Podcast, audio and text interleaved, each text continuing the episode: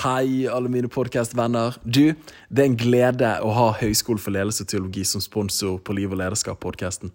Jeg har personlig studert der og gjennomførte min bachelor der for noen år siden. For meg så var det perfect timing. Jeg kjente på et kall til tjeneste, og HLT var med å gi meg mye av kompetansen jeg trengte for å klargjøre meg. Så hvis du interesserer deg for felt som teologi, ledelse, samfunn, så sjekk ut deres nettside på hlt.no. Og du trenger ikke å vente helt til neste høst, men kan allerede slenge deg med på studier fra nå i januar 2022. Så oh yeah! Velkommen til Liv og lederskap med meg, Daniel Sæbjørnsen. Utrolig kult at du tapper inn og lytter. Podkasten der alt handler om å inspirere til sterke liv og store lederskap i Jesus etterfølgelse. Så gjør deg klar til å lytte og lære, så du kan leve og lede enda bedre. Er det en stor stor glede for meg å kunne få lov til å sveive i gang en ny episode med Liv og lederskap. Og denne gangen her så er det jeg skal faktisk innrømme at det var faktisk min kone som sa først Daniel, han må du få med på podkasten. Eh, så dette er jo, nå røpte du din stemme, men det er Jarle Valdemar. Hjertelig velkommen. Hei, hei, hei. Tusen takk. Du, Veldig, veldig stas å få lov til å bli med deg. Jeg får lov å bruke noen eh, timer sammen med deg her i Oslo. Kjempegøy. Jeg gleder meg til å eh, snakke med deg. Du, tusen takk for det, Jarle. Altså. Og heier veldig på det du gjør, da. Altså, Ja. Jeg som bare setter deg på sidelinjen. bare ah, Dette er så gøy at nye mennesker tar opp stafettpinnen og bare kjøre på. Det gjør du på en veldig god måte, så jeg heier på deg. Wow, come on, come on. Takk for det. Det var ikke planlagte ord, som jeg hadde bedt deg om å si, men det er jo veldig veldig gøy. Eh, du, Jarle, altså For meg er jo du et kjent ansikt. og det er jo sånn, Jeg får en renessanse av Jarle Valdemar. Det kan være at du er lei av å høre det, eh, type liksom at folk pleier å si det, men eh, vi har DVD-ene dine på hytten, så ungene mine vokser opp med de. da. Eh, så dette, jeg kan liksom frase etter hvert utenat, og Bob Kåre må jeg si kanskje er en av mine favorittkarakterer utenfor Gardermoen på vei til Israel. Ja? Eh, det er sjel, altså. Så den sier ungene mine. Kan vi se Jale-TV? Eh, så det er deg, da. Eh, og da sa min kone etter hvert Daniel, han må du få på. Og så bare tenkte jeg så klart jeg har ikke tenkt på det. Han har jeg veldig lyst til å være med. Ja, men Så gøy. Så gøy. Så Jale, vi må ha en liten ingress eller intro Ja. til hvem du er, som jeg alltid pleier å ha. Og eh, du er jo, i altså, du er jo, du er jo en kirkeskatt i Norge, sikkert i ganske breie lag. Men for de som ikke måtte kjenne deg, eh, så hvor gammel ung er du? Hvor er du født? Hvor er du oppvokst? Du, jeg er 43 år eh, og føler meg ung. Eh, Tall, altså Alder er jo bare tall, da. Men, eh, men jeg føler meg ung, og jeg føler jeg har fått vært med på mye spennende. Oppvokst eh, utafor Sandnes, Stavanger. Eh, og så bodde jeg der til jeg var 19, og da er det Østlandet som har vært eh, det meste for meg. Sammen med min kone. Eh, og så jeg fant jo min store kjærlighet. da. Det er det som ofte setter agenda. da. helt sant. Eh, og vi har en fantastisk historie om eh, hvordan vi eh, møtte hverandre. Vi skal ikke ta den nå, men det er noe gøy å se at Gud leder i alle slags situasjoner. At Gud er med og eh, Ja, du kan gå i ferdiglagte gjerninger. Og det vil jeg si jeg har fått gjort eh, i mye av det jeg har stått i. Men selvsagt mye arbeid òg. Ja. vi har eh, tre barn. Eh, og klart det er litt artig når du nå introduserer Jarle-TV og Jarle-TV Israel. Eh, da var Rebekka fem år. Til sommeren skal hun gifte seg. Det er ikke sant. Altså Det er noe med at historien den går over store barn. Så hun er da 19, og så har vi eh, Philip på 17, og så har vi Andreas på eh, 14. Så det 14, er veldig fint. Så nå begynner du å komme over i en fase der det er litt mer rom i hverdagen. Stemmer det? Ja, og det, altså, jeg tenker da vi var småbarnsforeldre og jeg reiste rundt så å si hver helg eh, med, og barna var hjemme med, med kona, altså hun har jo virkelig stått på og, og, og jobba, og det er jo utrolig fint å kunne stå sammen i tjeneste, så eh, det har vært en rik og en travel tid. Ja, det har det. ja. Absolutt. Ja. Du, dette gleder jeg meg til å dissektere enda mer med deg eh, litt Ja. senere. Dere har tre kids. Skulle du gjerne hørt kjærlighetshistorie? Jeg syns ofte det er spennende. Men det var rett og slett en liten sånn divine romance. Altså, Ja. altså Det var en ledelse. Ja, det må jeg si. Ja, Så bra. Du, du, vi, får, vi får se om vi berører den. Vi får se hva som skjer. Eh, når det kommer til utdannelse Ja. Utdannelse. Altså, nå har jeg blitt hekta igjen på utdannelse. Altså, eh, Karina og jeg vi begynte sammen på lærerskolen. Eh, vi ble sammen et år før. Og så eh, har jeg jobbet som lærer på Hedmarktoppen og gjort mye. Og så eh, begynte jeg for meg selv, da. Men i, i voksen alder så eh, kjente jeg at eh, ok, nå har jeg stått i dette med barneforkynnelse i, i 15 år, og så følte jeg nei, jeg må studere mer. Så da begynte jeg på HLT eh, og ta da en bachelor i ledelse og teologi, og ble veldig bitt av basillen, og holder nå på å fullføre da min master i praktisk teologi. Skriver om hva pinsepastorer bruker tiden sin på. Oi. Ah. Kjempespennende. Er du sluttfasen på den masteroppgaven? Ja, altså nå er det ikke sluttfasen, men jeg holder på eh, med å samle inn eh, data. Eh, og ser konturene av hva er det post å bruke tiden på, og hva de skulle ønske de eh, skulle ha brukt tiden på. Altså, nå kjente jeg ble veldig nysgjerrig. Ja. Har, har du lov til å røpe noe, liksom? Ja, jeg kan røpe noe, men, men eh, Det blir jo sikkert en bok. Det, ja, si det! Ja, ja kanskje det. Eh, altså, nei, det er gøy å se eh, altså noe av konturene som jeg ser eh, når jeg eh, spør dette spørsmålet, hva skulle man ønske man brukte mer tid på, så er det eh, forkynnelse som kommer høyt opp. Eh, det kommer eget lønnkammer kommer opp, Ja. men òg da dette med egenutvikling. Så, så på sett og vis så eh, opplever jeg bare kjapt det jeg har skumlest, og jeg vet det er flere som skal svare, så vi er ikke, vi er ikke i mål med å samle inn data. Men det handler altså om mye av den eh, altså rollen, altså seg selv. Altså at man eh, får mer tid, altså kanskje en travel hverdag som tar tid, men at man får mer tid eh, eh, sammen med Gud Ja. eh, i på en måte det, det stille og, og det rolige. Jeg tenker at ja, la oss ta med oss dette i, i både eh, utdannelse, altså HLT-systemet. Det å på en måte være bevisst på hva eh, en pastor går inn i. Altså Mitt litt bakenforliggende spørsmål er jo utdanner vi eh, da pastorer til det de faktisk skal inn i. Eh, og Derfor håper jeg at denne, eh, denne, dette forskningsprosjektet da kan få lov til å sette lys på noen, noen gode ting. Ja, Veldig spennende. altså. Så dette med forkynnelse kommer faktisk ikke øverst. Eh, Det kommer veldig høyt opp, men hva man skulle ønske at man brukte tiden på, så kommer det eh, faktisk veldig høyt. Ja, det? Ja. Ja. Men type det de faktisk bruker tiden på, da, er det primært drift og administrasjon? Ja, det, det er mye på en måte, det organisatoriske som man, eh, man bruker, men det er for tidlig for meg å konkludere med disse tingene enda. Men jeg gleder meg veldig til å, å gi ut denne artikkelen, en vitenskapelig artikkel på dette. Du, Gjør du prosjektet alene, eller er det sammen? Ja, jeg gjør det alene. Ja, du gjør det. Så veldig gøy. Du, så spennende, Jarle, altså. Men ved siden av det så har jeg akkurat fullført en videreutdanning i familieterapi. Jeg har òg nå eh, går på sjelesorg, eh, kurs på Modum Bad, og tar òg en videreutdanning i konflikthåndtering. Så jeg elsker å studere. Det er fantastisk å bli tvingt til å lese faglitteratur. Ja. Det beriker meg eh, som både leder, som pastor og som pappa. Utrolig gøy å høre. altså. Mm. altså her var det ikke bare liksom snakk om at du holder på med mastergrad, men det er liksom tre, var det tre videreutdanninger av noe slag. Ja. Eh, du, Veldig veldig gøy. Du, Et litt sånn funny spørsmål eh, til å begynne med. Eh, Jeg må jo også bare si parentes for å sluttføre akkurat den med utdannelse. Men det er jo mange mennesker som har begynt på tjeneste i ung alder, og som sikkert lytter inn her uten veldig mye utdannelse. og husker I den tradisjonen som jeg kommer fra, hva for deler av den, eh, så var liksom referansepunktet det fariseerne sier om de første disiplene, at det, det var menn uten utdannelse, men de kjente det igjen at de hadde vært sammen med Jesus. Og Da var liksom vårt etos bare så lenge vi har vært sammen med Jesus. Ja, og det er jo nerven, og det slipper ikke vi. Nei. Samtidig så er det noe med når vi lever et kunnskapssamfunn, det å kunne få lov til å utvikle hodet og det å elske Herren med hele sin forstand, eh, opplever jeg for min egen del har vært en kjempeberikelse. Jeg tenker det er avgjørende at vi er, har det fokus, at det er hjertekontakt Mm. med Jesus som vi må ha. Men så tenker jeg òg at vi som står foran andre mennesker, vi kan ikke være dårligere skolert. Mm. Eh, At vi skal undervise til hele eh, forsamlingen, både eh, de som er akademikere, de som har doktorgrader og de som eh, ikke har utdannelse. Altså, vi skal nå alle, og da tenker jeg det er sunt for oss å faktisk eh, få eh, utdannelse. Og det ser jeg i den undersøkelsen jeg tar, så eh, der er de fleste eh, har eh, bibelskole. Altså 50% av de som vi har sett nå, har kun bibelskole som teologisk utdannelse. Og det er eh, et fåtall, altså rundt eh, 8-9 som har fire år teologisk utdannelse eller mer. Ja, så er interessant. Interessant. Men det, sier jo noe om tradisjon da, Ja, sted. Men endringen er god, tenker jeg. For Ja. det er flere og flere unge som velger å ta utdannelse. Og det tror jeg er godt for hele Kirke-Norge. Ja, men det tror du helt rett i. Mm. Så lenge ikke vi mister vår åndskraft. Amen.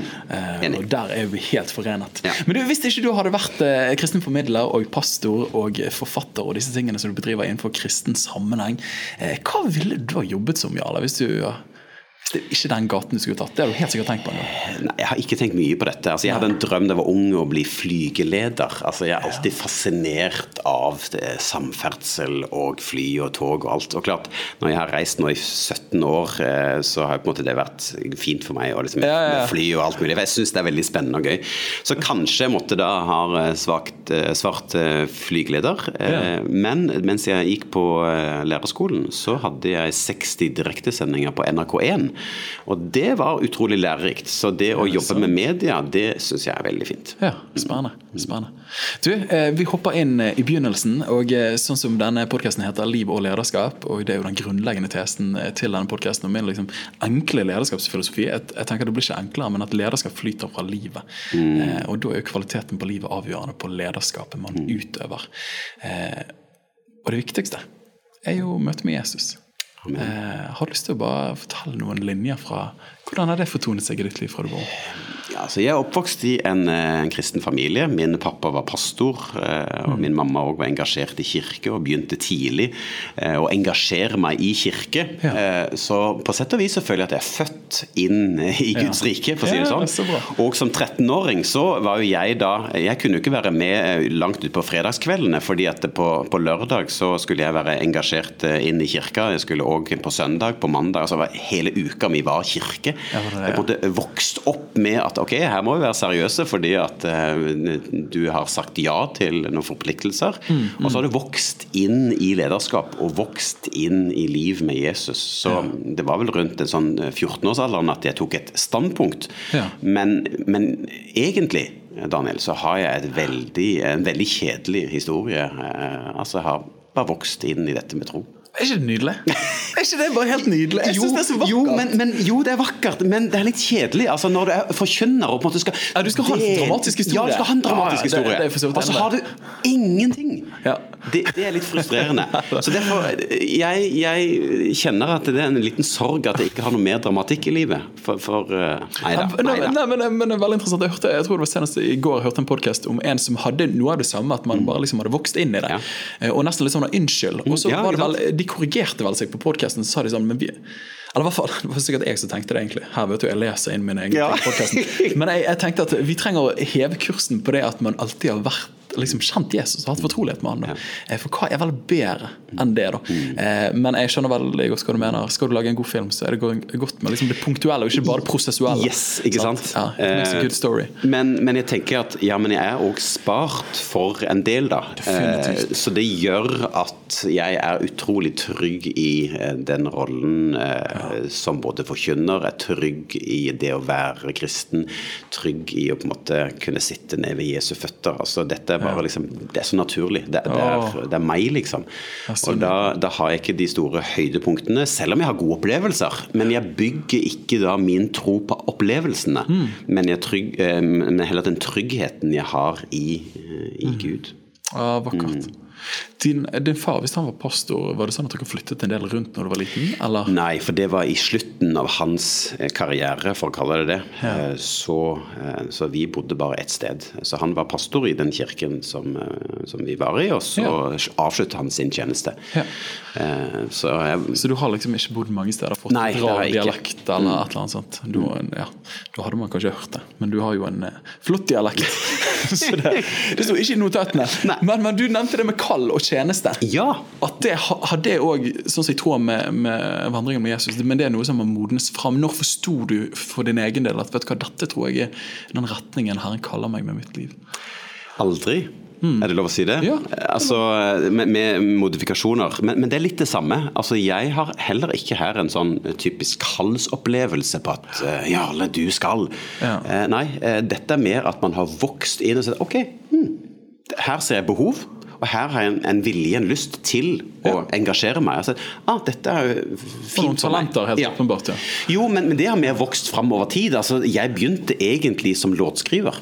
Ja. Der begynte min historie. Og så begynte jeg å skrive eh, eh, kristne barnesanger. Jeg reiste rundt som barne... Eh, altså korinstruktør. Barnekorinstruktør. Store, dirigerte barnekor. Og så innimellom der så hadde du da andakter Ja. som for å på en måte bryte av eh, disse eh, eh, barnegospelfestivalene. Men det var jo da jeg merket at oi, jeg liker jo enda bedre det å kunne gi noe. Ja.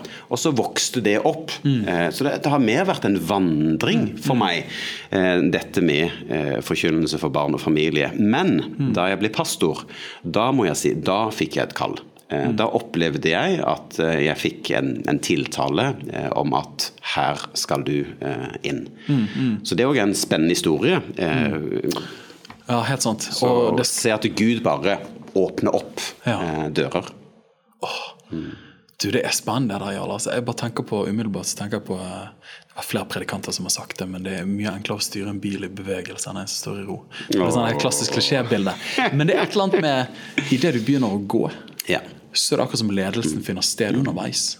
Eh, For å være litt personlig tilbake på videregående, jeg husker jeg andre klasse på videregående, så, så var jeg i bønn en kveld, eller lå i sengen, rettere sagt, det hørtes veldig fromt ut. Eh, Og liksom, Gud, i fortvilelse, hva skal jeg gjøre med livet mitt? Ja. Og kjente meg litt sånn overveldet. Sant? Nå er du snart ferdig på videregående, nå må du begynne å ta ansvar for ditt eget liv. Eh, Og da fikk jeg et veldig klart bilde, eh, som mine indremisjonsvenner ville sagt. Jeg fikk et bilde. Eh, Men at jeg bare gikk, og idet jeg gikk, så var det en rød løper som ble rullet ut for meg. Og det har på en måte vært litt sånn bilde som jeg har holdt ved. Ja. Eh, At jeg bare går. Og så bare stoler jeg på at, eh, på at min far da, at han leder meg an. Da. Eh, Og det har vært min fortelling til nå. Og høres ut som det er din fortelling òg. Du, er Veldig veldig godt Ja. bilde. Det kommer jeg til å stjele. Ja, men Så, gjør det. ja, for jeg synes det var en, Fordi at man har ikke hatt noe særskilt plan eh, eller retning. Jo, jeg har vært strategisk i Mm. de valgene jeg har gjort underveis, men jeg har ikke liksom vært der ok, neste ti årene. Ja. Men det er mer ok, neste år så har jeg lyst til å gjøre det. Jeg har lyst til å skrive den boka, jeg har lyst til å gjøre sånn og sånn og sånn. Mm. Så, men et utrolig fint bilde som jeg skal stjele, altså. Ja, ja. Mm. Du, Vi må berøre den barneevangelist litt. Grann. Vi Ja. har tre ulike overskrifter her som jeg bare tenkte altså Denne podkasten er jo litt egoistisk motivert, men i kjærlighet til alle de andre. For dette er jo mennesker som jeg ser opp til og beundrer, som jeg har mange spørsmål jeg har lyst til å stille dem. Eh, Er at vi hopper i det. Men det å være en barneevangelist, og som vi allerede har berørt, er et velkjent fjes for mange barn og ungdommer i Kristen-Norge, uten tvil. Og mine barn vokser opp med deg, om så det er 10-15 år gamle DVD-er. Ja. Eh, Men helt innledningsvis, du sa vel at du hadde reist rundt Var det 15 år? Ja, jeg begynte egentlig da Rebekka ble født. Ja. Altså Da jeg ble pappa, så Ja. vektes det noe i meg at ok, her er det noe. Eh, Så derfor er det på en måte Jeg har gjort dette nå snart i 20 år. Er det såpass? Ja. Jeg bare lyst på, Vil du bare tatt oss gjennom på en måte bare litt hva rikdommene har vært med det, men òg utfordringer med det? Altså Rikdommer, da har jeg lyst til å si at det har vært en, en ære eh, å få lov til å inspirere mennesker. Eh, og så se at det man gir, eller det man gjør, eller det man produserer, det når mennesker. Eh, fordi at eh, når man står på en scene, eh, så er det jo lett at man blir eh, imponert. Men jeg vil jo ikke bare at det skal bli imponert, jeg vil jo òg at man skal bli inspirert og berørt. Ja. Eh, og Derfor syns jeg det har vært godt å kunne se at eh, det, faktisk nå begynner jeg å høre mange gode historier om at det jeg gjorde for en del år siden, det begynner å måte komme opp i dagen, og jeg får vite om det. Fordi at når du står i en aktiv tjeneste, så får du ikke veldig mye tilbakemeldinger. Men det har vært likevel en, en, en stor ære å få lov til å være i dette, og få lov å peke på eh, ham som jeg tror på. Eh, altså Jeg kan få lov å gjøre det på min måte.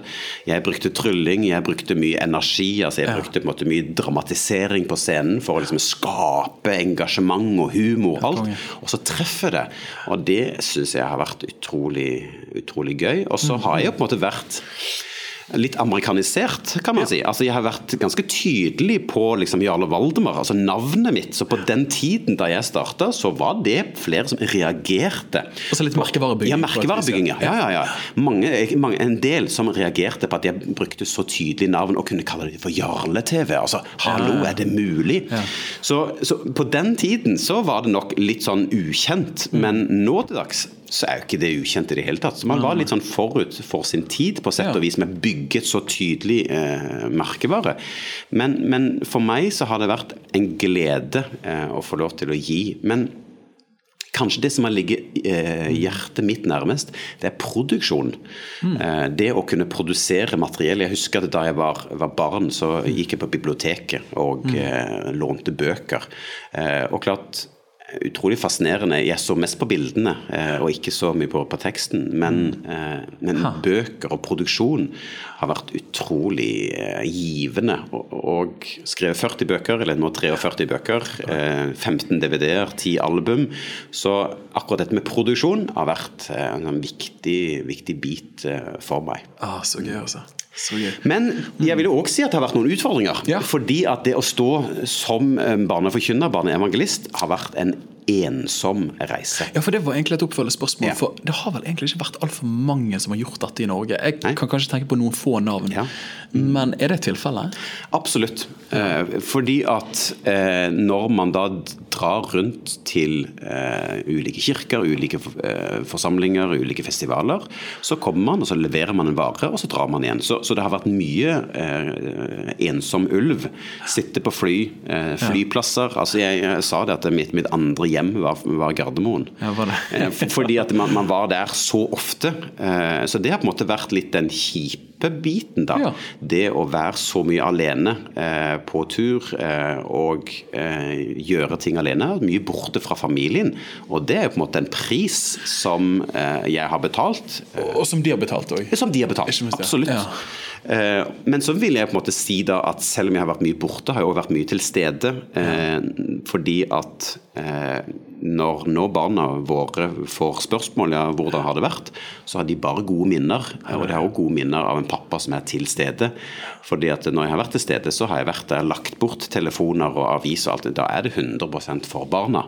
Men jo, vi har òg eh, altså, Mye av helgene har jeg vært borte. Så, så det er en liten sorg i det òg. Eh, at kallet har en pris. Ja, veldig bra. Bare touch på det. det Ja, for, for det er noe med sånn, sant, vi- at det, dette med at eh, vi må ta opp vårt kors eh, for å følge ham. Eh, og klart, det er veldig lett i dagens samfunn å, å, å eh, ikke eh, gå all in, men bare gjøre det som er komfortabelt. Eh, og akkurat det spennet der med at eh, Gud kaller oss heller ikke til å gi avkall på, på familie og gi avkall på alt, men likevel er det en pris å betale for å stå i tjeneste. sant. Eh, så, så det, har, det er ikke berømmelse som har vært motivasjon for meg å, reise rundt liksom, og få oppmerksomhet og se mitt navn på en plakat eller liksom å være kjent. Overhodet ikke. Men jeg vil si at det har heller vært en lengsel etter å være- med og gi videre det man allerede har fått. Og så har vi stått sammen.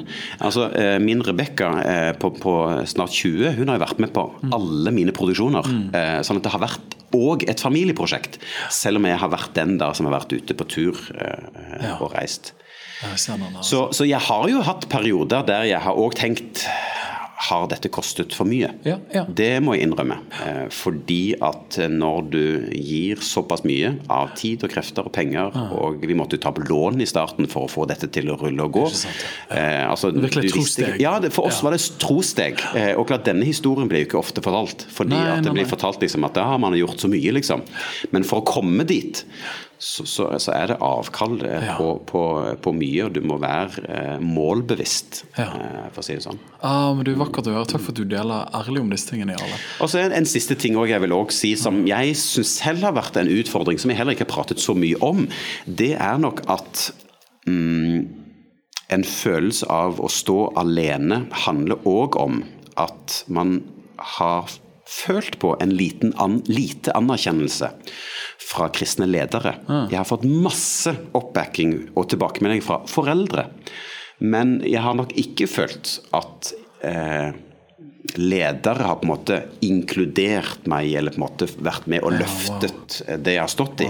Så, så det har nok òg vært en, en sorg. Eh, og klart man har drevet eh, nasjonalt med eh, Selv om jeg er i pinsebevegelsen, så har jeg jo vært like ofte i Indremisjonsforbundet, jeg har vært inne i Nordkirken. Altså, så du opplever å ha vært litt sånn allemannseie i hele ja, allemannseie og ingenmannseie. Ja, bra Rett og slett. Sagt, ja, for, fordi at man, man, man, det, man har ingen som man på en måte uh, står tett Ingen sammen. tilsyn, ingen Nei. som følger deg opp på sett og vis formelt. Nei. nei. Uh, og, og, og man har prøvd litt å på en måte fiske for å finne liksom, ok, finnes det noen Ja, fedre, mødre. Ja, ikke sant? Ja. Uh, men jeg syns det har vært lite. Og det tenker jeg at det er en viktig bit å, å ta med seg Ja. for de som kommer etter meg.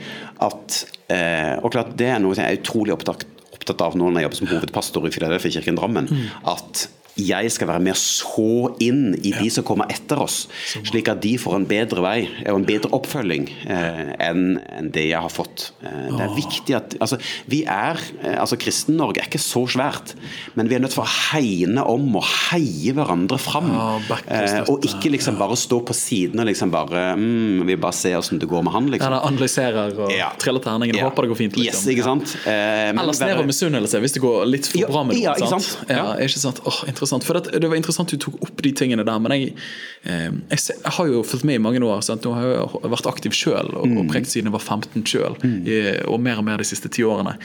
Eh, men jeg ser jo det er jo noen navn som går igjen på en måte på de store konferansene og festivalene. Mm. Eh, og så har jo ofte du vært der òg, på en måte. Jarle har bar barneopplegget. Ja. Mm. Eh, og jeg har tenkt nok gjennom årene, men er du på en måte en del av alle disse andre predikantene, eller blir man litt sin egen greie? Og nå satte jo litt ord på det, litt ærlig, da, Ja. uten til forkleinelse for noen andre. Men akkurat som at og jeg bare tenker nå som pastor også, når vi bygger opp barnekirken Vi begynte jo som menighetsplanting, og nå kommer det så mange barn. og? Shout-out til koronaproduktivitet Ja. og alle de tingene der. Eh, men jeg ser jo at det viktigste vi gjør, er jo å, å drive kristen trosopplæring og, og reise de opp i kristen forsakelse og tro som man sier, og liturgien. Yes. Mm. Eh, og da tenker jeg at den tjenesten som du har gjort, har jo vært så essensiell. I hvert fall hvis du tenker på at er det 85 pluss prosent som tar imot Jesus før de er 18 år. Mm. Eh, Og så Jeg har følt at det oppdraget jeg har stått i, har vært verdens viktigste. Ja. Men man har ikke, altså effekten av det har ikke vært det samme. Altså, eh, Når du nevner da konferanser, eh, så har jeg merka veldig tydelig at når det kommer eh, andre som har forkynnelse for voksne, så har de blitt disket opp og med green room og sant, alt mulig. ikke sant? Og så må jeg bare ordne meg selv. Eh, altså, det er ganske stor ja, ja, men, men det er rett og slett trist å Det er en se ukultur.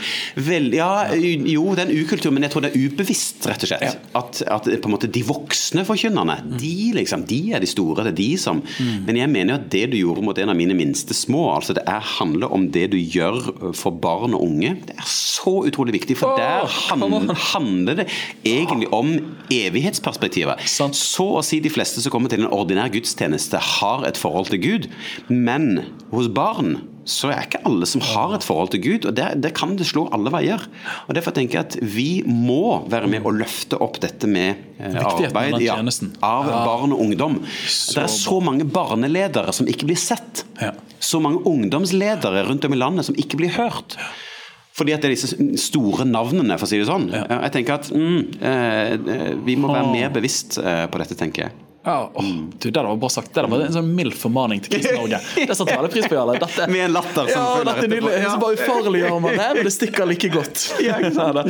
Helt nydelig. Du, eh, vi har mange ting vi er nødt til å komme oss gjennom her. Åh, det er mye jeg har lyst til å snakke om. Jeg kjenner jeg, blir, jeg er jo liksom kronisk giret, men det er jo du òg. Så dette dette er en fin eh, symbiose som finner sted her. nydelig. Men eh, nå er jo jeg i den fasen at jeg har en datter på tre og et halvt. Jeg har en sønn på halvannet, eh, og vi håper jo selvsagt på flere barn. Eh, men det å, da reiser de opp sånn som jeg sier, en kristen forstakelse og tro, er jo ikke matematikk. sant? Og vi alle kommer både fra hjem, kjenner hjem der mor og far gjerne har gjort så godt de kan, og så velger barna å ta avstand. Og så kommer man òg i berøring med hjem der foreldrene var skikkelig slapp i sitt kristenliv, men barna vokser opp som de mest herlige, gudfryktige menneskene. Yes. så av og til virker det som det ikke er noe logikk bak det, som du helt sikkert har erfaring og, og sett utallige eksempler på. Men hvis du da skulle liksom kokt ned litt sånn til småbarnsforeldre og barneleder som lytter inn her. Hva er noen, altså Hjemmet, familien, er jo den viktigste menigheten til barnet. Før barnekirken osv. Men hva vil du si og fra egen erfaring har vært noen av de viktigste liksom, praksiser eller verdier som du ville gitt videre? Eh, Nå har jeg skrevet to bøker om dette. Så, så Løp og kjøp. Ja, løp og kjøp! En tro som varer er den siste eh, som berører det temaet. Og jeg tenker at eh, det er mye å si. Og klart, i, i den boka så ønsker jeg òg å gi konkrete verktøy. For dette her er jo folk forskjellige, og folk, noen liker det, noen liker det. Så derfor så, så er det ikke et enkelt svar. Men det som har vært viktig for meg, hvis jeg heller kan slå det den veien, det er for det første dette med som jeg kaller for hellige vaner. Eh, altså eh, at vi i hjemmet kan ha noen gode vaner som eh, skjer jevnlig, tror jeg har mye å bety. Så for vår del så eh, betydde det, nå er barna blitt større, men da de var små, så lyste vi velsignelsen eh, for barna hver kveld. Eh, avslutte dagen med å legge hånda på pannen. Med å gi det beste som jeg kan gi til mine barn, det er Herrens velsignelse. Så, så det er en veldig konkret anbefaling. Gjør det. altså Jo, man synger nattasang, det er hyggelig og koselig, det gjorde vi òg. Men, men for meg så ble det den der åndelige handlingen, rett og slett. At jeg som pappa ønsker å gi deg det beste fra min himmelske pappa. Eh, og klart Hvis vi da hadde en sånn travel kveld og bare du, nå god natt når du legger deg, og så løper vi ned trappa, og så hører vi du pappa, du glemte velsignelsen. ikke sant? Altså Det er noe med at dette har de da selv følt at ah, det har vært deilig å på en måte bare kunne ta imot. Og det er det hele frelsen handler om. og Det å kunne ta imot eh, Gud og, og, og, og det han har for oss. Eh, Så det å finne da disse øyeblikkene, altså det å ha en andaktsbok mm. Jeg sier det, en andaktsbok på bord er ikke rot. Altså eh, det å på en måte kunne ha noe Det er lettere å bruke en andaktsbok når den ligger på bordet, enn at den ligger i hylla. Så vi har ikke lest andaktsbok hver, hver dag, men når det har passet seg. Eh, Dra med barna til kirke har vært utrolig viktig for oss, fordi at i kirken så får de møte venner, de får møte Jesus, de får ansvar, og de kjenner på tilhørighet. Og Alle disse tingene her eh, er, er viktig. ja, holistisk formasjon Ja. som finnes der. Mm. Og så handler det om eh, det siste som jeg vil løfte opp, det er hvordan jeg lever mitt liv med Gud. Eh, at de kan se en mamma og en pappa der troen får lov til å bety mye. Det at de kan se oss be, det at de kan se oss aktive i tjeneste, det at de kan se at vi bryr oss om andre, det at de ser at eh, måte den personen Gud har gitt oss, den er vi med å gi videre. Og Derfor syns jeg det er gøy nå eh, med, med Rebekka, som er eldste. Hun går jo på bibelskole liksom, og kjenner at ja, hun òg har lyst til å stå i tjeneste. Så hva det er, det aner ikke jeg. Men jeg tenker at det viser bare at ah, helt nydelig å se at barna tar stafettpinnen videre på sin måte. Å, så fint å se. Eh, Så eh, Ja, du får jo på en måte ingen, ingen bedre honnør enn akkurat det òg. At barna ønsker å imitere og modellere sine foreldre. Ja, da har man sant. gjort noe rett. Ja.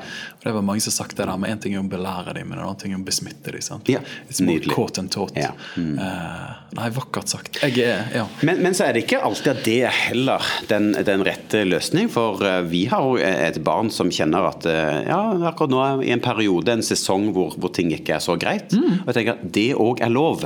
Og da blir ikke jeg stressa. For det, det handler mer om at eh, barna mine skal få oppleve at de blir sett og hørt, de blir lyttet til, og de blir anerkjent for å ha ulike sesonger. Og det, det må ikke stresse meg. Eh, men, men det er litt sånn denne bortkomne sønnen i Bibelen. Altså, Noen trenger en, en runde eh, ut for å på en måte finne litt seg selv i dette, men skal få lov å komme tilbake igjen og bli møtt med åpne armer, både hos oss som voksne, men òg av Gud. Åh, vakkert. Det er viktige perspektiver med det der. Eh, vi elsker hjemkomster. Ja. Eh, jo tidligere, jo bedre. Ja. Men eh, det er veldig fint. Vi har tro til Gud at det kommer. Hørt noen historier òg i de siste årene av, eh, Mm. av, av mødre og fedre som har vært i bønn i mange år. Yes. Og så kommer, kommer barna hjem. Mm. Det gjør inntrykk, altså. Ja, det gjør det. Og det har vært mye tårer. Eh, Det har det. Det har vært mye fortvilelse underveis. Ja. Men, men det å eh, ja, folde sine hender eh, og tenke at dette er Gud som skal virke. Jeg skal ikke tvinge mine barn inn i noen ting. Nei, det virker jo mot sin hands. Ja, det gjør det. det, Mm. gjør det. Jeg har ingen tvil om det. Du, Jeg ble veldig oppmuntret av velsignelsen. Så selv før Tor Håvik begynte å lyse velsignelsen på Farmen, så er det andre som har gjort det for folk skal legge seg. Jeg, jeg og min kone, vi har Vi har alltid lyst velsignelsen, vi òg, men den apostoliske velsignelsen i 2. Korinterne 13-14. ja, ja. Så Herre Jesu Kristi nåde, Guds kjærlighet og Den hellige ånds vennskap være med dere. Så nå kjente jeg, nå følte jeg jeg hadde en praksis på plass Ja. før du nevnte Ja, det. Nå var jeg litt fornøyd. Så kone vår, we are, we are going, altså. This is good. Men du, vi har nødt til å gjøre et lite girskifte. Og det er, du har vært eh, barneevangelist, nå har du blitt eh, hovedpastor, forstander, alt etter hva man kaller det i pinsebevegelsen nå for tiden, eh, i Philadelphia, Drammen. Ja.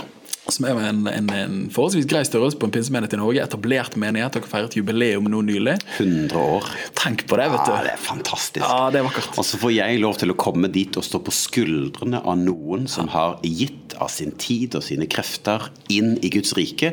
Så kan jeg få lov til å bare være der, og så kan noen andre stå på skuldrene av det som jeg òg Så står i. Dette generasjonsperspektivet er jeg veldig opptatt av. vi trenger å ta det tilbake igjen. Ja, jeg tenker det. Eh, Jeg har så sans for at vi har én kirke for både unge, gamle, voksne og pensjonister. Altså hele familien. Eh, Syns jeg er veldig flott. Ah, så bra, altså. Her kom det rett og slett en liten puls av patos før spørsmålet var ferdig. Jeg liker det, jeg liker det. Eh, Men hvordan har den overgangen vært fra primært å være barneevangelist til nå å være hovedforstander? Mm. Eh, Gjør du fortsatt barnemøter, eller er du helt ferdig med det? Altså, bare Ja. ta oss med i en Ikke transition. Eh, dette har vært villet og ønsket eh, i lang tid. Ja. Eh, for da jeg var barnefamiliepastor i Klippen Sandnes, eh, så drev jeg altså hadde 50 der og 50 i egen virksomhet med barneevangelist. Men jeg kjente da i, eh, i Klippen Sandnes at det er noe pastoralt som ligger der. Ja. Vi flyttet til Oslo, eh, og da tenkte jeg at jeg er nødt for å gjøre noe. Jeg vet at det er noe som kommer. Eh, Jeg fikk en profeti at det- kommer et 2-0. Wow.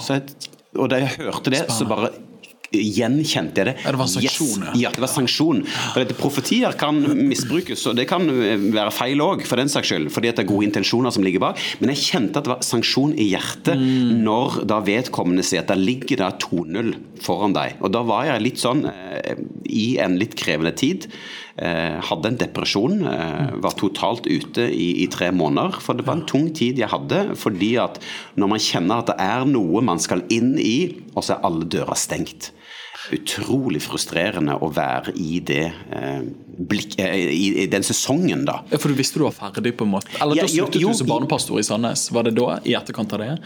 Ja, altså jeg, jeg fortsatte og drev da med, med barneevangelist Ja, altså, etter vi hadde kommet til Oslo. Eh, Og, og, og drev på. Jeg visste det, og kona visste at jeg skal avslutte, men tiden er ikke her nå.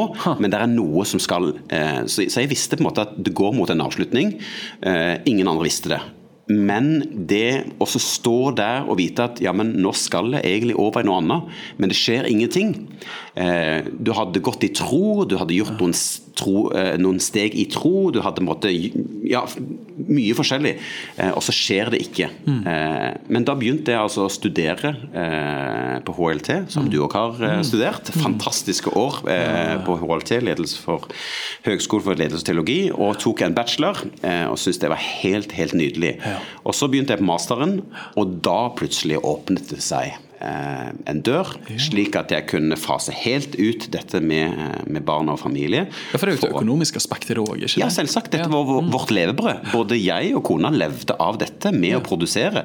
Altså I 2012 så produserte vi tolv produkter det året. Altså Vi hadde en utrolig høy eh, produksjons... Ja, Ja. veldig. ja, Men det var gøy, og det var givende. Men, men vi, vi ville jo på en måte påvirke. Men, men man kjente at det, den sesongen er over. Eh, og, og, og jeg tenker at det å stå Altså, for meg har det vært viktig å være på rett sted til rett tid. Eh, og når man ikke føler den, eh, da er det litt sånn uro i Jarle Valdemar. For at man, ja, men det er noe nytt som skal skje, eller det er et eller annet. Vi er ikke der vi skal være. Eh, men da kom da denne eh, spesielle opplevelsen i Filadelfia-kirken Drammen. Eh, Veldig kort fortalt. eh, Vi hadde booket at jeg skulle komme og ha en familiegudstjeneste der. eh, Og ofte på den tiden så var det ett år i forkant. Så vi hadde landet dato, og så ble den forskjøvet et halvt år til. Så derfor landet vi på ok, det blir da i september. Altså halvannet år før jeg kom dit.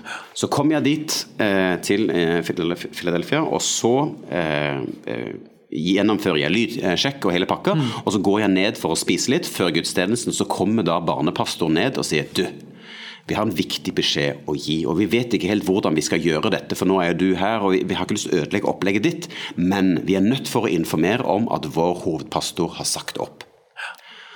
Og da bare kjente jeg at det traff noe så utrolig innvendig. Og bare eh, helt der eh, Forsamlingen hadde fått beskjed via mail, men dette på en måte første gang de skulle offentliggjøre det på en gudstjeneste. Eh, men òg da så bestemmer vi hvordan vi skulle gjøre det. Og så skulle da gudstjenesten starte, og så skulle jeg da løpe opp på scenen. Og da, mens jeg løper opp den scenen, så kjenner jeg bare så sterkt dette er ikke siste gang du løper opp den trappa. Mm. Jeg visste jo ikke helt hva som skulle skje, men så gikk det kort tid, eh, og så ble jeg stemt inn da eh, som hovedpastor. Er det sant, ja? Wow. Eh, en, og da følte jeg altså en kallsopplevelse på at her skal du være med og tjene, og storkose meg nå ja. som hovedpastor. Og føler meg på rett sted til rett Åh, tid. Du så vakker, altså. Mm her er det, å, her er det mye å snakke om. Altså. Eh, ikke minst når det kommer til lederskap. og jeg vet ikke om det er jo litt utenfor manus, men det å på en måte reinvent, eller i hvert fall være med på 2-0, 3-0, 4-0, yeah. at Gud har ulike sesonger yes. av livet. Mm. Og ser mer og mer at Gud ikke bare liksom en gud av ulike år eller arbeidsbeskrivelser eller stillinger, men en gud av sesonger. Mm. At det finnes ulike sesonger, ulike salvelser for ulike sesonger. Nå ble jeg veldig karismatisk. Men, ja, det er fantastisk. Eh, men, men, jeg syns du illustrerer det på en utrolig vakker måte. Det å bare tro i den tiden Gud har plassert deg, mm. men være åpen for at det kommer en ny tid der Herren sier 'pakk sakene dine og reis' og du vet ikke hvor du kommer. Og jeg synes Det var så vakkert det du, du sa så ærlig der, at det var tre måneder der man mm. kjente at uvissheten ja, ja, ja. såpass stor at liksom, Gud, hva er veien videre? Og det var noe som har sagt at liksom, idet du går fra ett rom til et annet, mm. liksom gangen, mm. transition mm. time, er den verste tiden, for da vet du ingenting. på Riktig. Ja. Oh. Og det var krevende. Altså det, det var, jeg var tre måneder sykemeldt. Ja. Eh, jeg skulle ut på tur, og jeg kjente at vet du, jeg har ikke det som skal til for å stå på en scene og stå på kjønnet. Jeg kjenner meg så svak og så liten mm. at jeg holdt på å knekke sammen. Så da sier kona at du er bare nødt for å sykemelde. Ja, men jeg har jo hele høsten fullbooka, altså. hva skal jeg gjøre? Eh, men eh, jeg gikk og sykemeldte meg, og det var riktig. Ja, det var det. Åh, takk for at du deler det, Jarle. Du, vi må snakke litt grann eh, kommunikasjon og forkynnelse. Det er jo forlenge, altså det har du holdt på med lenge før du ble pastor i Drammen. Du mm. har jo, du må si, De dyktigste formidlerne vi har, er de som formidler til barn. Eh, ja, jeg, jeg tenker òg det var ja. mye vanskeligere å kommunisere til barn enn det jeg gjør nå. Ikke sant? Dette er jo chill. Dette er pensjonisttilværelse for deg. Ja, ja, ja, det er det. Bare halvere patosen når du er fortsatt engasjert, liksom. Så, men du, en av de tingene som ligger mitt hjerte nært, er jo formidling og det å kunne kommunisere kommunisere, og, og ikke minst også, gjennom de siste årene så forstår jeg at kommunikasjon er så vanvittig mye mer enn den klassiske preken. Noe som du òg har illustrert godt med alt du har produsert. Mm. At man influerer på mange vis. da. Mm. Eh, men hvis vi tar og nerder litt når det kommer til liksom selve preken eller formidling av et budskap, eh, mm. hvordan forbereder du deg, og hva anser du som liksom mm. ah, Nå har jeg prekt en god preken, mm. eller nå kommuniserte jeg bra. Hvis du bare vil pick your brain litt. Ja, ikke sant. Eh, I forhold til dette med, med forberedelse, så er jeg der som, som, trives best med å gå på innskytelse. Altså det å lytte inn. Hva er det Gud har mm. til denne søndagen? Um, og da er jeg på en måte går gjennom uka og på en måte liksom sukker til Gud. altså Hva er det som skal fram? Mm. Eh, men da er det at du òg går inn i, i bibeltekst, du leser Bibelen, og så merker du eh, dette som blir omtalt i faglitteraturen som varmepunkt. Mm. Altså det er noe som stikker eh, ekstra ut, som du kjenner at her, her er det noe. Og, og den biten eh, er viktig for meg. At jeg går på de innskytelsene jeg får, mm. fordi at eh, det er liksom litt inn med alle disse seriene. At du har fire, fire søndager og alt mulig sånn. Jeg liker det ikke. Det? Nei, nei, jeg liker å, å, være i dette spennet på ok, hva er det nå som skal fram? Gud, hva har du nå? Istedenfor å, å da sitte eh, et halvt år i forveien og definere hele høsten. Mm, mm. Så hos oss så, så, går det på inspirasjon, men det er jo ikke at jeg går på scenen uforberedt. Altså, mm. der jeg skriver nå manus eh, og, og, leser det nesten ordrett. Ja. Eh, det er jo ikke for, for, fem år siden. Da hadde du fire stikkord, og så gikk du på. Ja. men det det er en helt annen rolle nå når du er på en måte hyrden i egen forsamling. Da er det viktigere for meg å være nøye på, på hva jeg sier. og Du har et læreransvar, ikke minst. Ja, ikke sant, du har det. Så, så for meg så, så handler det om at jeg er på utkikk etter ok, eh, Gud, eh, hva skal fram nå? Og så er jeg òg opptatt av eh, å gi noe både til hjertet, men òg til hodet. Eh, altså Det handler om at eh, noen av oss har mer eller mindre mye hjertetro, mens andre har litt mer hodetro. Og det er på en måte gjennom en forkynnelse nå begge deler, tenker jeg er en sånn viktig bit eh, for meg. Og så så enkelt for meg. altså Når jeg på en måte har fått et bibelvers eller fått et tema, eller sånn, så setter jeg meg ned, og så er det bare fingrene bare flyter. Og Det er eh, gøy å se. altså Det bare kommer. Ja. Og det er da jeg føler det er en god preken. Når jeg føler at det er Gud som virker i meg når jeg forbereder meg. Ja. Så derfor leveransen er det høres rart ut, men, men, men det er ikke det viktigste. For meg er det forberedelsen. At du kjenner liksom at, Mm. At man det- har et ord. Yes, Man Ja. har en agenda, eller et ord, eller et budskap som skal frem. Det føler jeg er den viktigste Ah, biten. Eh, og så handler det òg om at eh, vi for, eh, har jo online, så vi tar jo opptak av preken Mm. eh, på onsdag når den skal gå på søndag, slik at den går på YouTube, Facebook. Men òg du serverer den der på søndagen live. Sånn at eh, du skal òg da nå forskjellige eh, da, målgrupper eh, med den online, som er Du vet at det her kan naboen din se, mens i kirken så er det liksom litt annet nivå. Der kan du på en måte gjøre det litt annerledes, men det er likevel mye av det samme prekenen. Såpass, ja. Så dere gjør en hybrid ting. Er det etter korona, post korona, at dere viderefører? Ja, så vi viderefører. Eh, Men det, det, det syke nå, da, det er jo at vi i 2022 eh, skal bli stallmenighet for NRK. Det vil si at 2022 så skal vi nå denne våren ha eh, fire radiogudstjenester. Og så og så Og nå kommer det. Nå kommer det. Høsten 2022, høsten 2022 så skal vi altså på lufta på NRK1. Ja. Da er det visuell radio, altså det skal være kamera. Vi skal ha fire gudstjenester i halvåret da på eh, eller seks, Fire eller seks gudstjenester på NRK1 Er det sant, ja? som TV-gudstjeneste. Wow. Så plutselig så får man et helt annet eh, publikum, rett og slett. Så det er litt sånn å klype seg i armen. Ja, ja. Vi er den eneste frikirken, da. eh, Altså frikirkelige inn i disse menighetene. De andre er Den norske kirke. Det Men har du gjort det tidligere, med frimenigheter fire stykker, sånn som dette? Eh, ja, på sett og vis som radiogudstjeneste, men det er korona som har gjort at nå skal de gå over fra radio til TV. Så det blir på en måte fortsatt radiogudstjeneste, men de filmer denne radiogudstjenesten ja. og kjører det på, på NRK1. Det er så utrolig gøy, da. Så det er jo fantastisk. Ja. Så Det er litt sånn Hva skjer? Så da rigger dere opp det tekniske for alt det er verdt nå? Ja, NRK som skal inn. De kommer med sine ting. ja. fjernstyre kameraene som står i vår kirke, fjernstyres fra Trondheim. Altså, teknik, ja? ja, teknikken er bare helt fascinerende. Og, og du må nevne hva dere nettopp har fått i kirken deres. Ja, det vil jeg også si. Ja, vi har fått LED-skjerm, altså en 327-tommer eh, LED-skjerm. Så det er litt sånn å gå i ferdiglagte gjerninger og se at det bare ting legger seg så til rette. Eh, Så nei, det er oppdrift om dagen i kirka. Det er så utrolig gøy, Jarle. Dette var gøy å høre. Det, det er akkurat som man bare ser at det er din livsreise, men òg hvordan det fortoner seg så vakkert sammen med den menigheten du har kommet til, og initiativene som kommer. At eh, nok en gang tilbake til ferdiglagte gjerninger. Ja, altså, vi, vi tror på det ja, her. vi tror på dette, Ja, at Gud er i dette.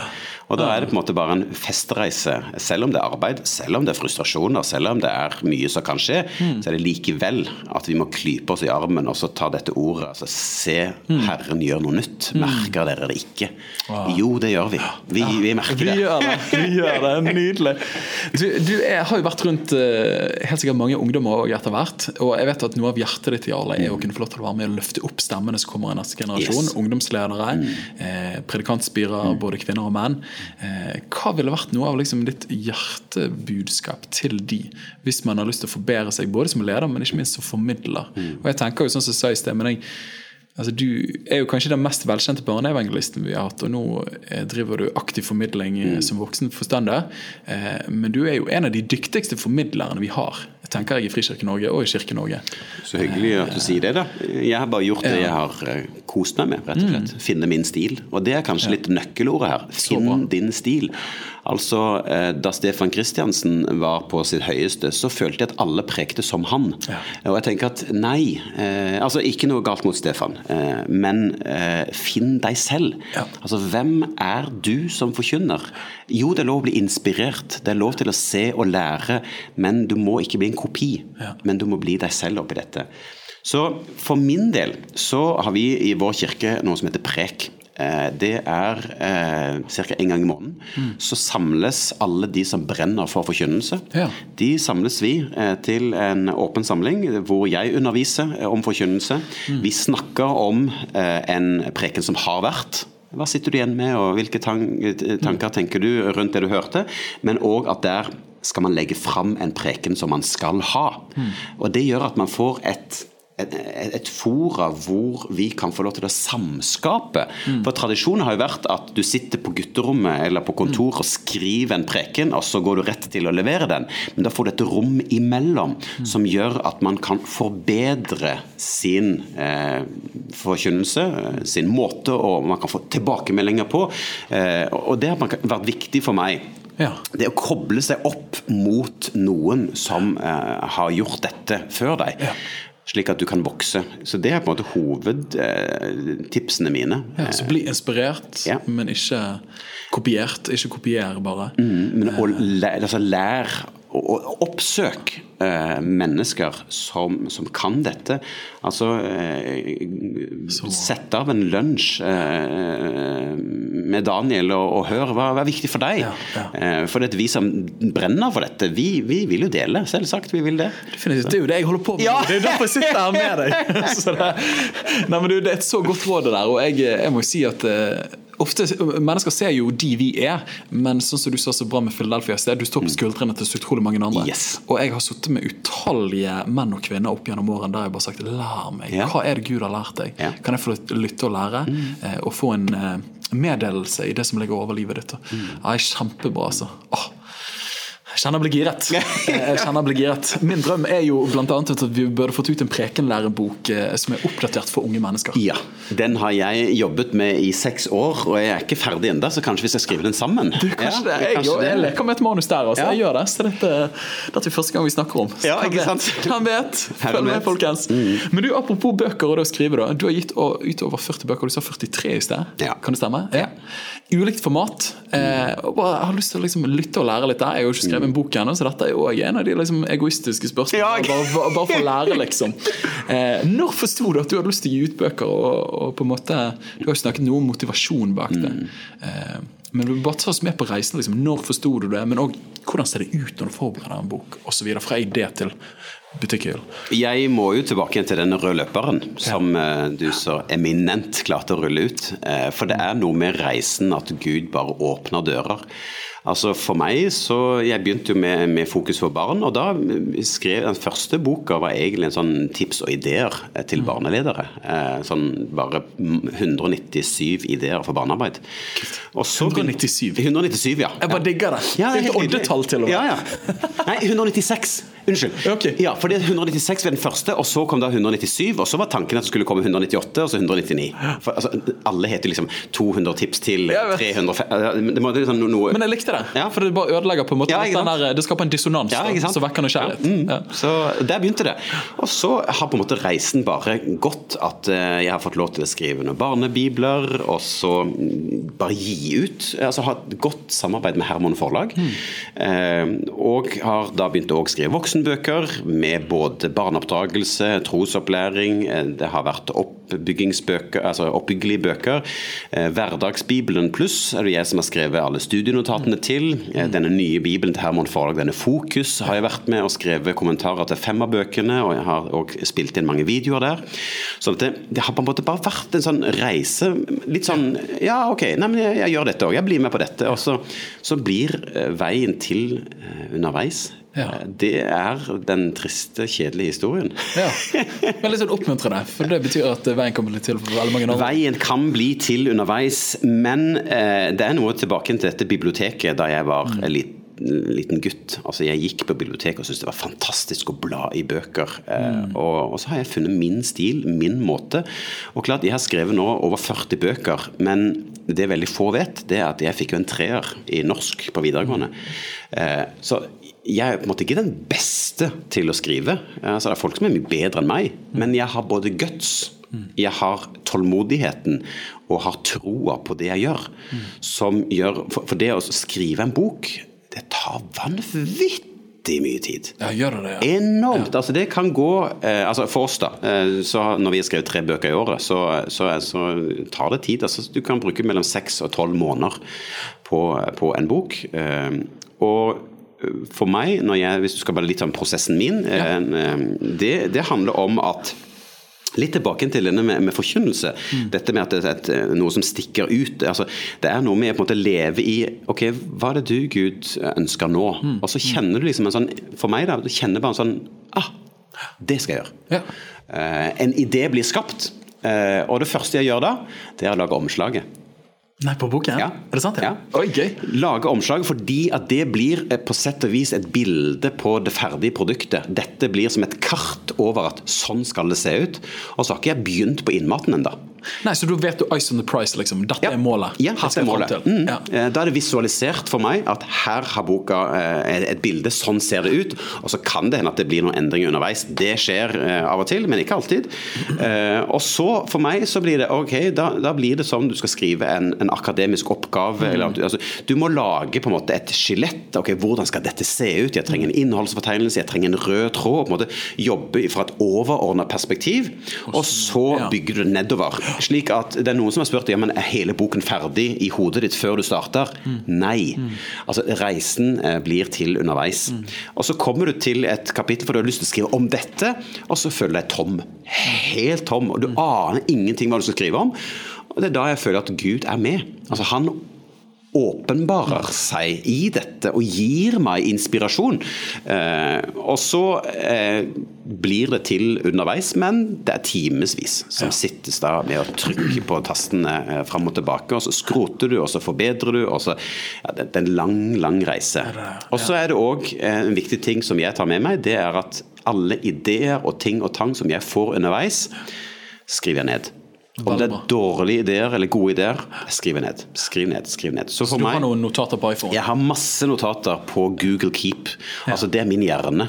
Der skriver jeg alle mine prekener, der skriver jeg alle ting jeg skal huske, der skriver jeg eh, to do-list. altså Alt ligger i Google Keep. Så da kan jeg på en måte legge ting der, inn i arkiv, og så kan jeg heller søke det opp igjen når det plutselig Å ja, stemmer det, dette var Og så ja. kan du bruke det. Ah, så det er altså. min ah. reise. Og så er det òg veldig fint å jobbe med et forlag, eh, for de er jo med å forbedre og justere og, og gjøre biten. Men jeg setter altså lage design på, på innmaten òg, på de fleste bøkene som jeg skriver. For jeg syns det er veldig gøy. Så du er eh, ganske grafisk av deg, på en måte? Mm. Ja, ja. For det er noe med at da får jeg eierskap fra A til Å, eh, slik at eh, jeg får lov til å være med i prosessen.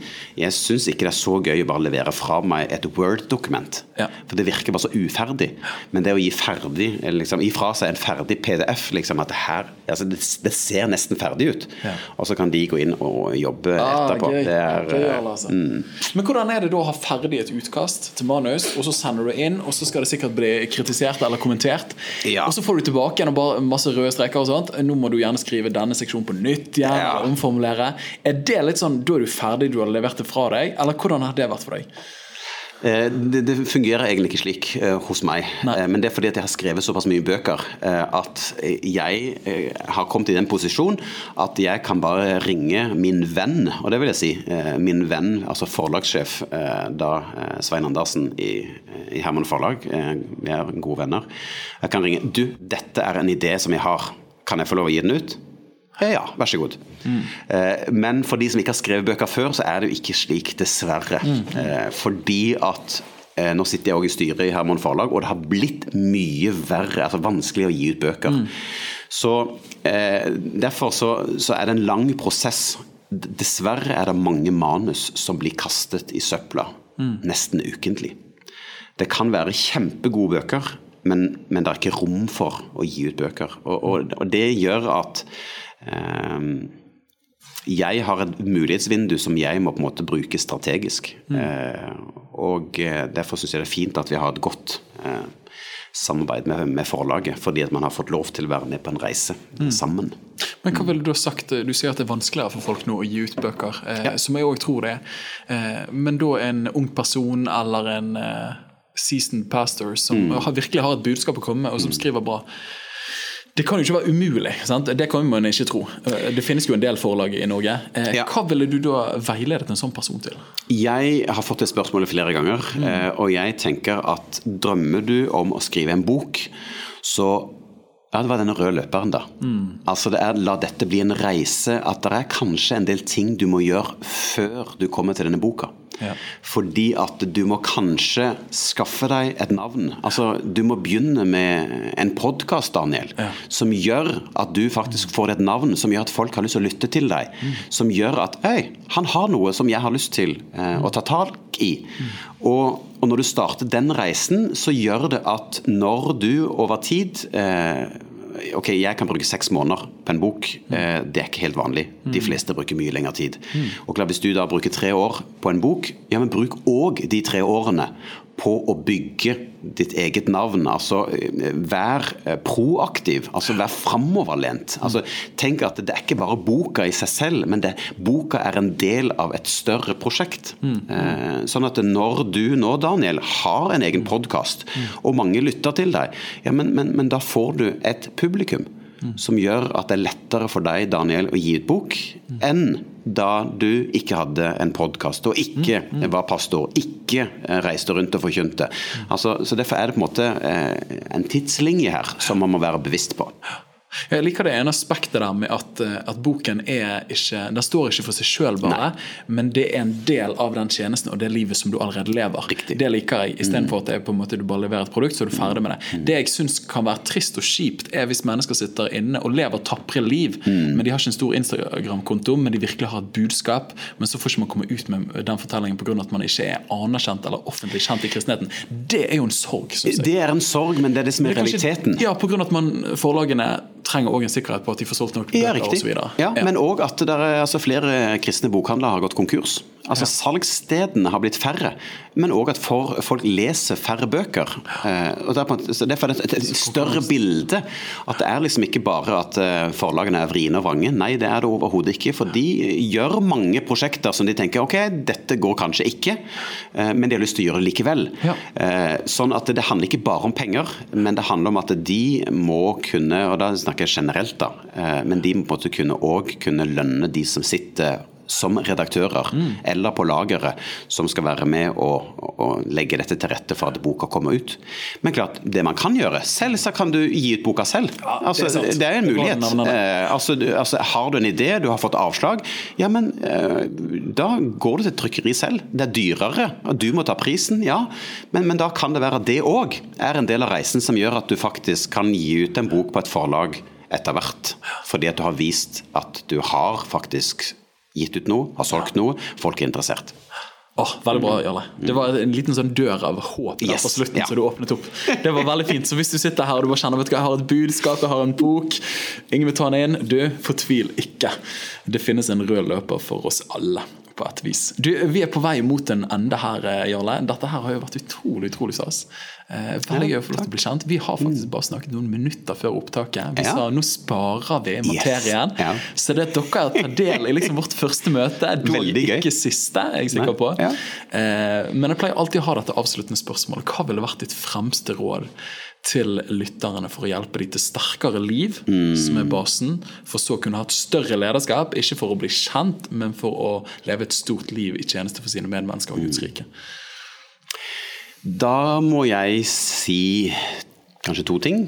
Det ene det handler om å være hel ved. Rett og slett. Altså, eh, lev et eh, sannferdig liv. Altså, eh, la troen din få lov å påvirke alle sider av livet ditt. Eh, altså, både det skjulte livet skal være hel ved, og det synlige livet. Altså, det er liksom tro i det lille, så skal det bli satt over det store. Det å på en måte ikke ta snarveier. eh, Det at du, du velger en høy standard i liv og tjeneste i alt, jeg tenker det er det viktigste. For det er jo ikke berømmelse eller anerkjennelse eller suksess som er drivkraften. Da er det feil motivasjon. Motivasjon må være at det du har, har du lyst til å dele med andre.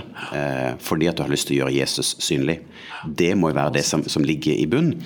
Og så det andre som jeg har lyst til å løfte fram, det er dette med ydmykhet. Eh, altså, eh, skal du være en kristen leder, så må det ose av ydmykhet. Ja, du har lov til å ha retning, eh, du skal være frimodig, men det å være ydmyk i tjenesten, ydmyk i møte med mennesker, at de skal få lov til å bli hørt og sett. Altså du skal være Jesu hender og Jesu øyne overfor andre mennesker. Det tenker jeg er viktig. For da kan folk se at det er genuint, det du har. Og at det ikke er noe fake eller du gjør dette for at de skal være eh, et middel underveis. Nei, men du er oppriktig interessert i andre mennesker. Så det tror jeg er på en måte det jeg har lyst til å Hel ved. Hel ved og vær ydmyk. Ja. Tenker på Mika 6,8 er det vel som sier hva krever Herren mer av deg? Sant? Enn det å vandre ydmykt med din Gud. Elske barmhjertighet, men vandre ydmykt med sin Gud. Det er en vakker formulering. Takk for at du løftet det opp. Nå, nå har jeg privilegiet av over nå er jeg nærmere 30 episoder med ulike kristne ledere. Og jeg tror det er ingen som har liksom løftet opp akkurat den fasetten med ydmykhet. Eh, og dette er, disse øyeblikkene noe av det jeg verdsetter mest med disse podkastene. Du, det var et godt ord, Jarle. Takk for det, altså.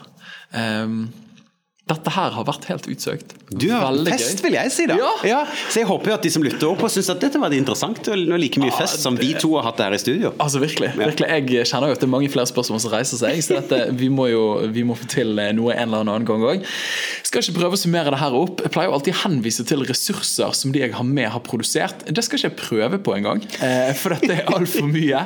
Eh, Men hvis folk har lyst til å tagge along og bli bedre kjent med deg, Jarle, så er det vel eh, er det hovedsakelig Altså, du er på sosiale flater. Der er du, og så finner de deg hvis de bare søker på deg. Ja, ja, ja. Ingen tvil om det. Takk for at du lyttet inn til Liv og lederskap, og håper at du ble inspirert til å leve sterkere og lede større Jesus-etterfølgelse. Hvis denne episoden ga deg noe, del den veldig gjerne videre til en venn eller to, sånn at de kan bli inspirert. Og husk det at ditt liv, ditt lederskap, betyr en forskjell, så ikke len deg tilbake, men len deg framover. Vi trenger deg.